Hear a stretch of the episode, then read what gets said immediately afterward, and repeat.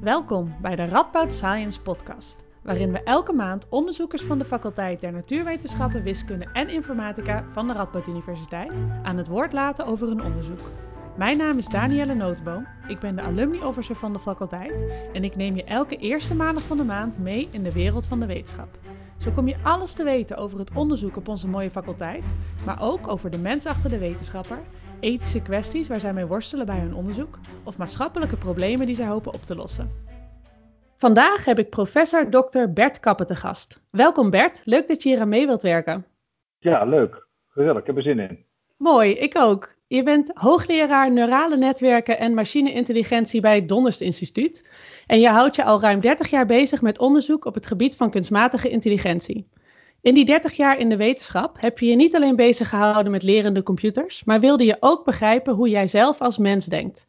We praten straks verder over hoe je hiermee geworsteld hebt en hoe dit uiteindelijk mede heeft geleid naar de ontdekkingen op het gebied van het zogenaamde kwantumbrein.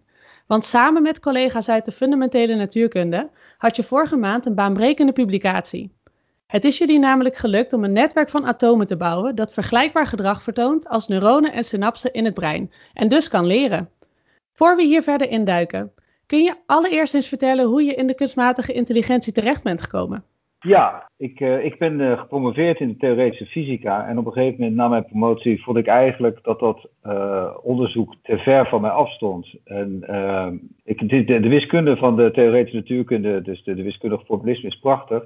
Maar ik, ik, wilde iets wat concreters gaan doen. En ik ben sinds die tijd erg geïnteresseerd geraakt in de hersenen en in kunstmatige intelligentie ook om een soort antwoord te krijgen, misschien een wiskundig antwoord te krijgen op de vraag van hoe wij zelf uh, werken, hoe onze bovenkamer, hoe dat, hoe dat allemaal werkt. En om een beter begrip te krijgen van hoe ik zelf, uh, wie ik zelf ben.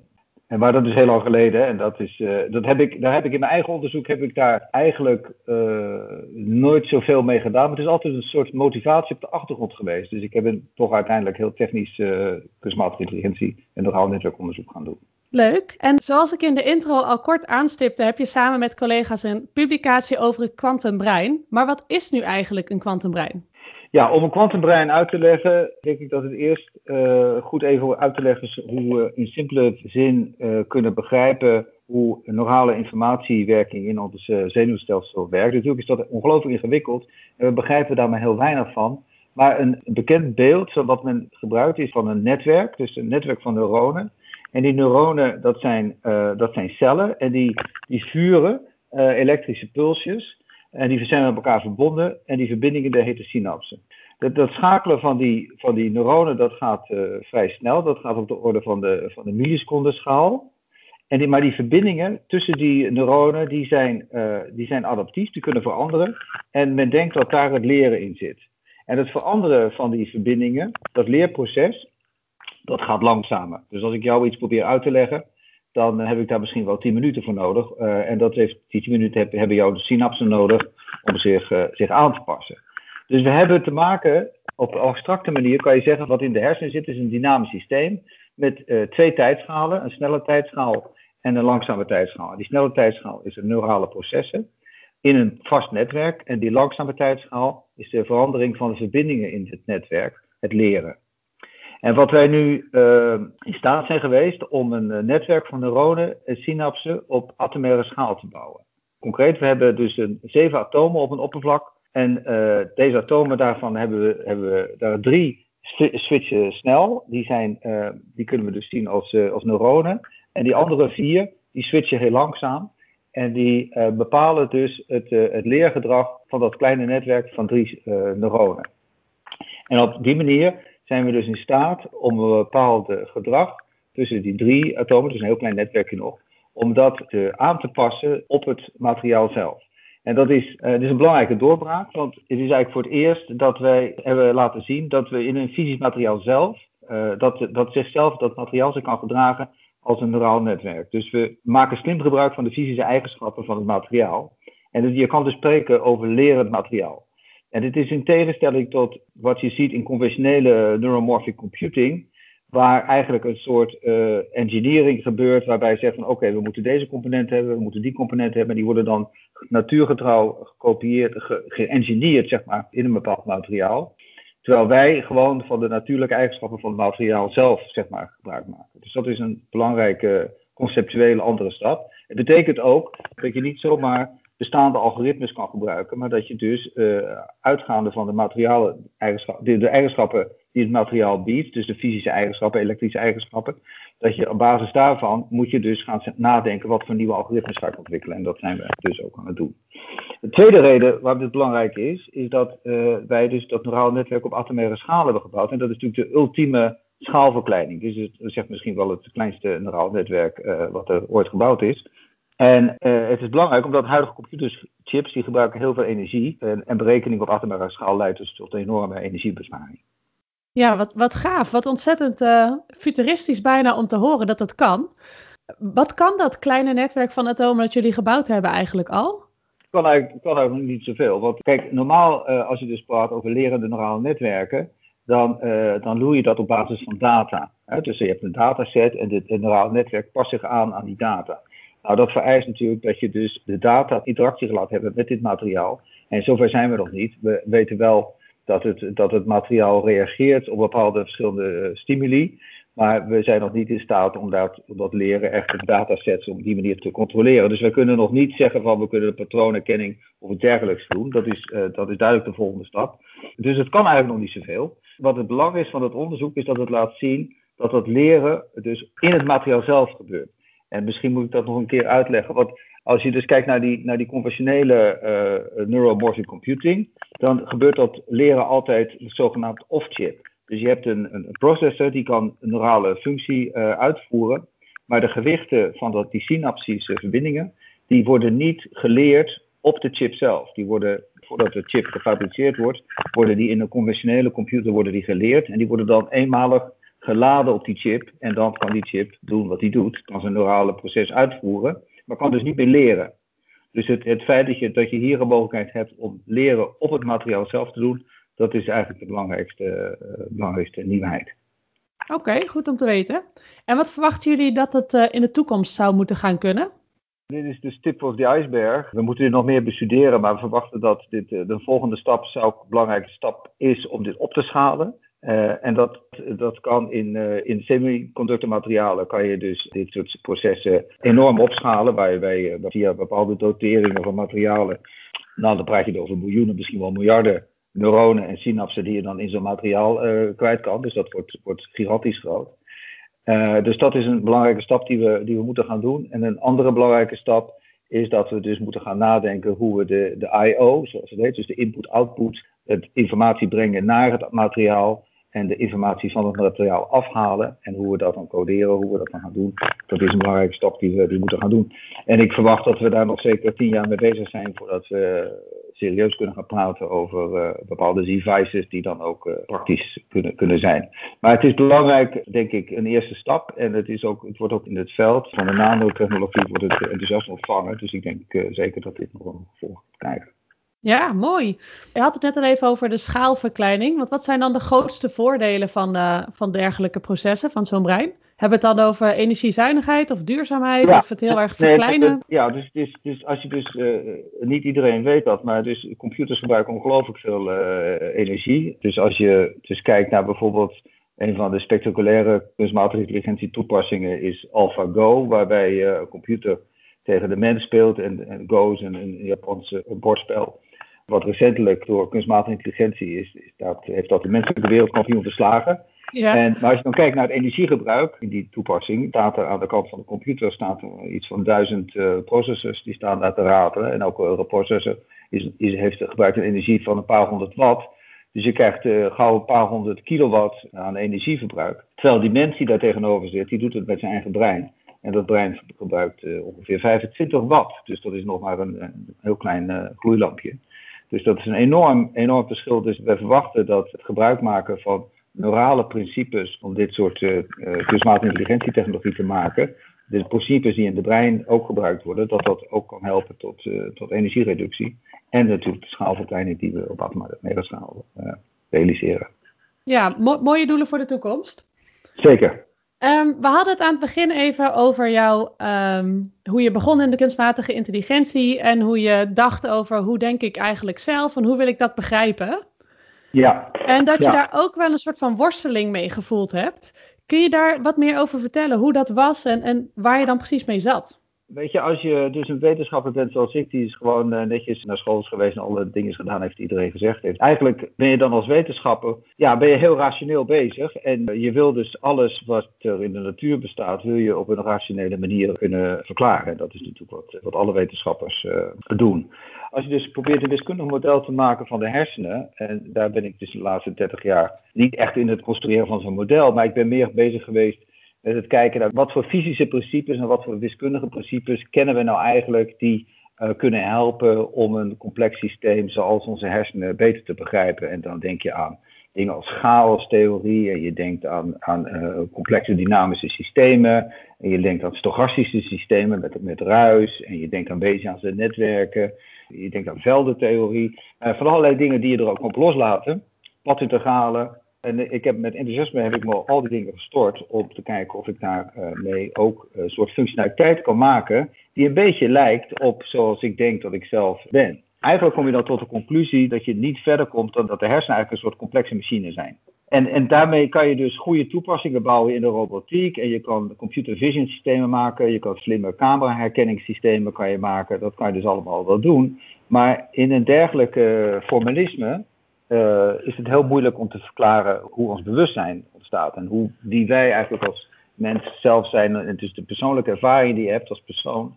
Die komt eigenlijk helemaal niet uh, in dat plaatje voor. In dat materialistische plaatje. Het is eigenlijk een materialistisch uh, wereldbeeld. Hè? Ja. Dus de, de materialistisch wereldbeeld is eigenlijk te zeggen van de materie is datgene wat we, wat we zeker weten dat bestaat. En we gaan alles wat we niet begrijpen, gaan we terugbrengen tot die materie. En op die manier gaan we het verklaren.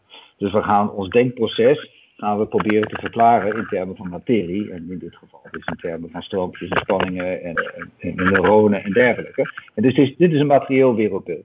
En in dat materiële wereldbeeld worden wij dus eigenlijk, ook als mens, worden we een beetje weggezet als uh, slimme computers. Dus dat is eigenlijk, dat is eigenlijk, eigenlijk de teneur. En dus met andere woorden, dat bewustzijn valt eigenlijk niet te verklaren in de normale wetenschappelijke traditie. En dat is eigenlijk de, de, situatie zoals we die nu eigenlijk hebben.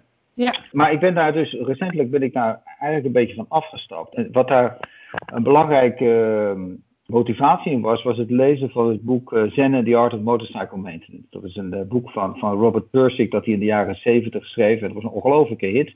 Dat Ja. boek dat gaat niet over zen, het gaat ook niet over eh, motoronderhoud, maar het, uh, het gaat over de, de metaphysics of quality. En hij beschrijft in dat boek hoe hij als een uh, uh, docent creative writing, uh, hoe hij gefrustreerd is in de kwaliteit van de, van de Engelse teksten die zijn studenten produceren. Mhm. En hij vraagt zich af of er regels bestaan die als je die precies zou volgen, of je dan tot een kwalitatief goede tekst kan komen. Ja. En hij, hè, dus stel, ik geef jou stel, de regels en jij voert die uit en dan krijg je gewoon een prima, een hartstikke goede kwalitatieve tekst. En als je dat Ja. niet, dan krijg je dat niet. En hij stelt vast dat een dergelijk systeem van regels niet bestaat. Ik denk dat iedereen dat wel zal erkennen. Ja. Anderzijds zegt hij van ja, maar een kwalitatief goede tekst bestaat wel. Want zijn collega's die kunnen ook uh, zeggen wat een goede tekst is. En iedereen, uh, alle vakmensen zijn het erover eens wat een kwalitatief goede tekst is en wat is niet een kwalitatief goede tekst.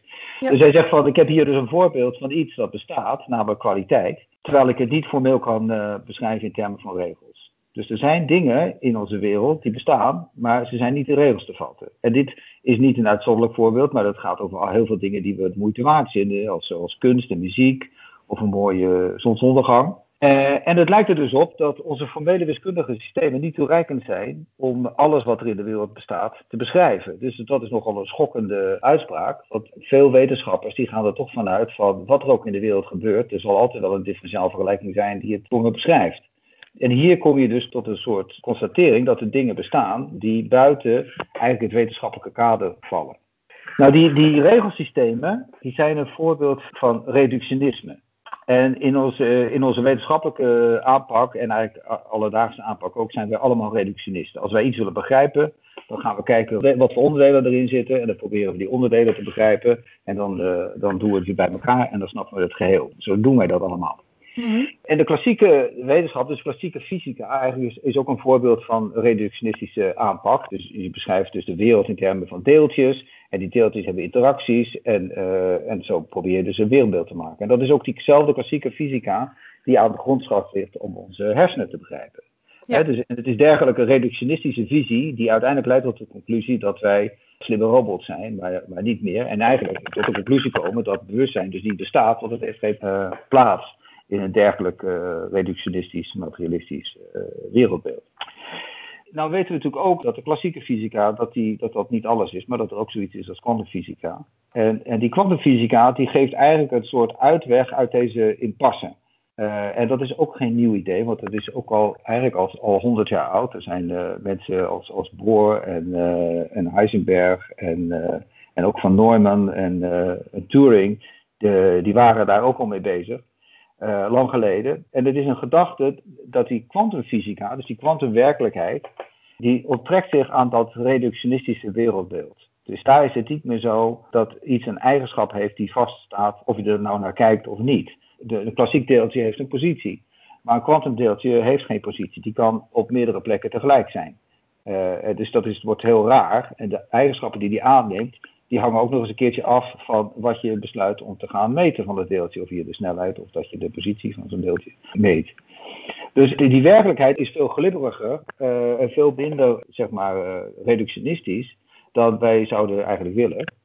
En, en die werkelijkheid, die kwantumwerkelijkheid, die lijkt eigenlijk wel een beetje op onze, op onze denkprocessen, op een conceptueel niveau. Dus uh, David Bohm in de jaren 50, een bekende uh, natuurkundige, ook op dit, met name ook op dit gebied, uh, die, die maakt een vergelijking tussen de kwantummechanica en denkprocessen. En bijvoorbeeld als ik aan jou vraag, waar denk je aan? Dan zal je gaan nadenken over waar je aan denkt. Je zal nadenken over mijn vraag. En, ja. en met die vraag verstoor ik jouw eigenlijke denkproces. Dus jij denkt niet meer waar je aan denkt, maar je denkt aan mijn vraag. Ja. En, en, en, en dus het is niet mogelijk om jou te vragen wat, waar je denkt zonder jouw denkproces te verstoren.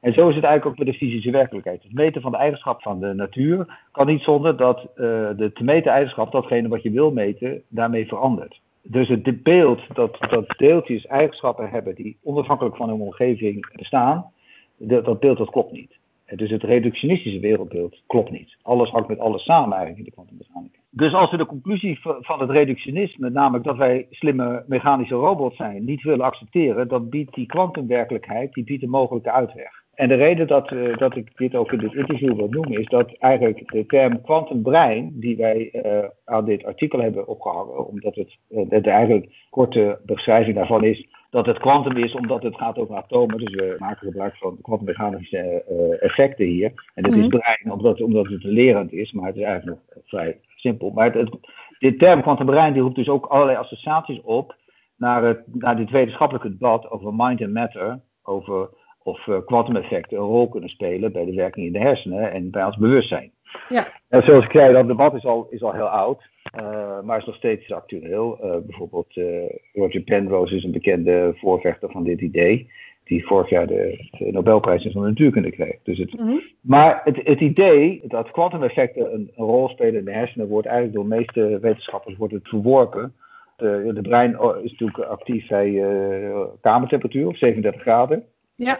En dat bij dergelijke warme, ruizige ruis zo'n enorme rol speelt dat uh, al die kwantumeffecten volledig verwaarloosbaar uh, zijn. En dat is natuurlijk een serieuze, serieuze uh, kritiek. Maar toch, ik denk dat de race nog niet gelopen is, want er zijn bijvoorbeeld voorbeelden van kwantumeffecten in andere biologische systemen, zoals in fotosynthese. Niet 100% zeker, maar er zijn toch serieuze ideeën en publicaties over de werking van kwantumeffecten in, in, in dergelijke biologische systemen. Ja. Het, het zou zomaar kunnen. Ik zelf uh, vind de gedachte de moeite waard om daar serieus onderzoek naar te doen. Dus ik ben nu aan het kijken hoe dat soort kwantumeffecten onder andere in de hersenen een rol kunnen spelen, maar ook in, in de machine learning. Dus hoe kan je kwantumeffecten gebruiken om gewoon technologie te maken? Dat is natuurlijk een veel minder bedreigende vraag dan, dan, dan in de hersenen, maar toch ja.